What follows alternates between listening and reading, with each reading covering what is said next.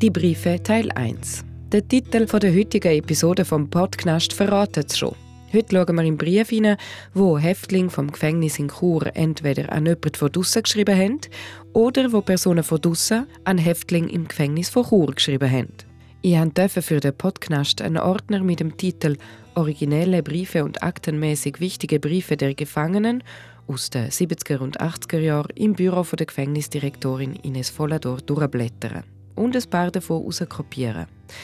Die Briefe geben uns einen Einblick in das, was ein eingesperrter Mensch denkt und fühlt. Und wenn ihr die Briefe jetzt hört, wird es wahrscheinlich so wie mir gehen und ihr werdet euch höchst voyeuristisch vorkommen. Darum versuchen wir, die Briefe mit großem Respekt den Personen und ihrer Geschichte gegenüber zu lesen. Namen in den Briefen und Ortschaften, die sind alle abgeändert worden, sonst lesen wir sie eins zu eins. Und ich fange gerade mit einem schwer verdaulichen Beispiel an. Geschrieben hat ein junger Mann, 33, im Jahr 88, und es handelt sich um einen Abschiedsbrief. Es geht so nicht weiter. Sobald ich zum ersten Mal in Urlaub kann, nehme ich mir das Leben. Es hat einfach keinen Sinn mehr für mich. Ich habe zu schwere Probleme, nicht weil ich im Gefängnis sitze, sondern mein Problem sind Frauen.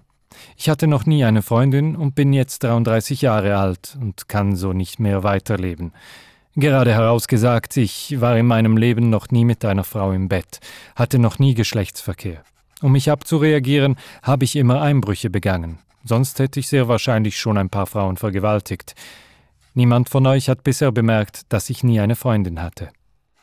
10. März 89. Nun ist es soweit. Am 25. März habe ich Urlaub. Dann hole ich meinen Revolver und jage mir eine Kugel in den Schädel. Ich habe auch noch etwa 400 Schlaftabletten auf Lager. Es tut mir leid, aber es muss sein. Ihr habt ja noch vier andere Kinder.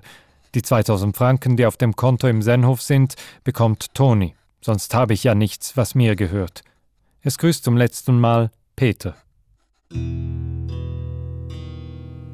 Was in seinem Hafturlaub passiert ist, weiß ich nicht. Der Brief ohne Namen ist alles, was ich im Ordner gefunden habe. Suizid, Depression und Traurigkeit, das sind Themen, die aber oft in diesen Briefen vorkommen.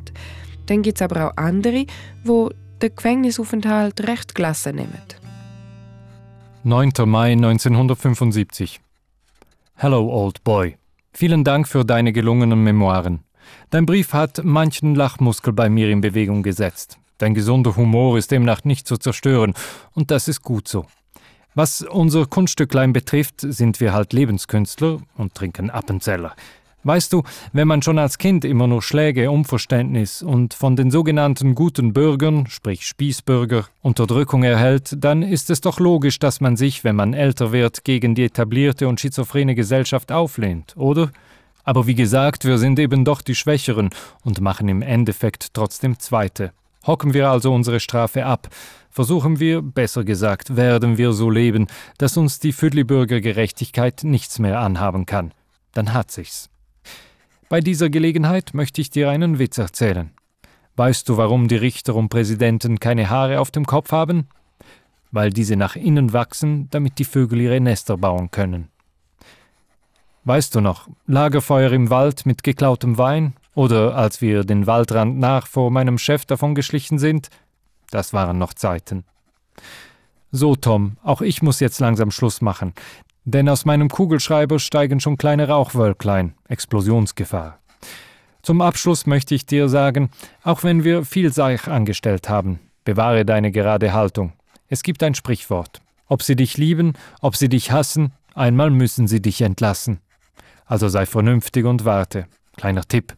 Zähle die Wochen und nicht die Monate. Die Zeit geht schneller. Also, als Abschied alles Gute und viel Glück wünscht dir dein Freund. PS. Weißt du, dass ich dir noch eine Kiste Bier schulde? Auch da wissen wir nicht, ob die Kiste Bier jemals angekommen ist. Und dann gibt es eben auch die Briefe, die nicht ein Häftling schreibt, sondern die, die von draussen ins Gefängnis reinkommen. Das nächste Beispiel ist von Teenagerhand geschrieben. Eine junge 15-jährige Frau, wo ihrem wahrscheinlich Ex-Freund im Gefängnis einen Brief schreibt. Hi Friend, vielen Dank für deinen Brief, den ich eben bekommen habe. Aber du verstehst mich nicht. Ich bin doch nicht daran schuld, dass du im Gefängnis hockst. Du sprichst in deinem Brief von mir und meinen Freunden. Ich habe keine anderen. Ich weiß, dass es in gewissen Kreisen heißt, ich hätte dich angeklagt. Paul, bitte glaub es nicht. Was hätte ich denn für einen Grund gehabt? Meinst du, ich wäre auf Marina eifersüchtig? Oh nein, ich habe es euch beiden gegönnt, dass ihr glücklich seid, obwohl du mit mir glücklicher warst. Mir hast du immer vertrauen können und du kannst es auch heute noch. Im Moment hast du einen blinden Hass auf mich. Ich kann das verstehen. Noch etwas, Paul. Angst habe ich keine, weder vor dir, noch vor Rockern, noch vor dem Tod. Es ist möglich, dass ich in eine Erziehungsanstalt muss. Ich hoffe nicht, da ich ja nur noch ein Jahr zur Schule gehen muss, und in einem Jahr und zwei Monaten bin ich auch schon 16 Jahre alt. Du würdest es nicht übers Herz bringen, mir etwas anzutun. Allerdings wärst du imstande, mir die Rocker auf den Hals zu hetzen. Wenn du das willst, dann tu es. Aber du hast jetzt viel Zeit, um über alles nachzudenken. Paul, ich will dir helfen, ehrlich. Ich meine es gut mit dir. Schreibe mir, ob du willst, dass ich dir weiterhin schreibe oder ob du willst, dass ich dich besuche. Ich tue, was du willst. In deinem Brief hast du mich Fräulein getitelt. Ich bin keines, ich will auch keines sein. Ich bin nur ein ganz gewöhnliches Mädchen mit Herz. Darum lasse ich dich jetzt, wo du mich brauchst, nicht im Stich. Und ich halte zu dir. Meinst du nicht, ich wäre manche Nacht wach geblieben und hätte geweint aus lauter Liebe zu dir? Ich mag dich heute noch genauso gut wie früher. Du sollst deine Rache haben, wenn du willst. Schlag mich zusammen oder töte mich. Ich werde mich nicht wehren. Aus Liebe zu dir würde ich gerne in den Tod gehen. Denk nochmal über uns nach. Ich bin kein Typ, der bittet, aber heute bitte ich dich, sei mein Freund. Antworte bald, deine Maria. Wer weiß, ob die Maria von ihrem Ex eine Antwort bekommen hat oder ob sie den Liebeskummer überwunden und ihn zum Teufel gejagt hat. Zum Abschluss gibt es noch einen Brief von einem Mann aus dem Jahr 1974. Einer, der sich zünftig über den Anstaltspfarrer aufregt aber in seinem Brief auch noch ein vom Gefängnisalltag erzählt. 2. Januar 1974 Lieber Freund, vielen Dank für deinen Brief. Sobald ich in die Zelle komme, werfe ich meinen Blick aufs Bett, ob ein graues Kuvert dort liegt. Pfarrer der Rungs Aussage erstaunt mich nicht. Ein armer, von der Bibel verblendeter Typ. Ein halbes Kind, noch den Nachttopfring am Hintern. Seine scheinheiligen Messen habe ich kennengelernt. Ich hatte selbst ein längeres Gespräch mit ihm. Ich habe ihm gesagt, dass ich nicht an die Jesusse, die für mich gelitten hätten, noch an die Legenden der Bibel glauben könne. Was will einer Psalm oder Apostelbrief verstehen, wenn er nicht einmal die Probleme seiner Kameraden anhören und verstehen kann? Was weiß der schon vom Leben? Kannst du ihm einen Gruß ausrichten? Er kann mir, sofern er mal aus seinem Himmelsreich hinunterkomme, den Buckel runterrutschen. Wenn ich mich nicht irre, sehe ich von meinem Zimmer aus Richtung Kur. Zu meiner Rechten stehen ganz zackige Berge, die Namen kenne ich nicht. Drei Drogenhändler haben, wie man sagt, die Kurve gekratzt. Ich arbeite in der Lempli-Abteilung, das heißt Glühbirnen oder Kontrollbirnen werden hergestellt.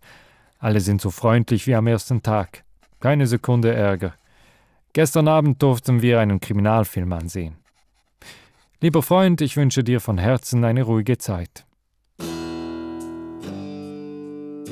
Das ist Teil 1 von den Briefen. Ich danke Michel Dicourtins fürs Einlesen und der Gefängnisdirektorin Ines Vollador, dass sie die Briefe anschauen Und euch danke ich natürlich ganz herzlich fürs Zuhören.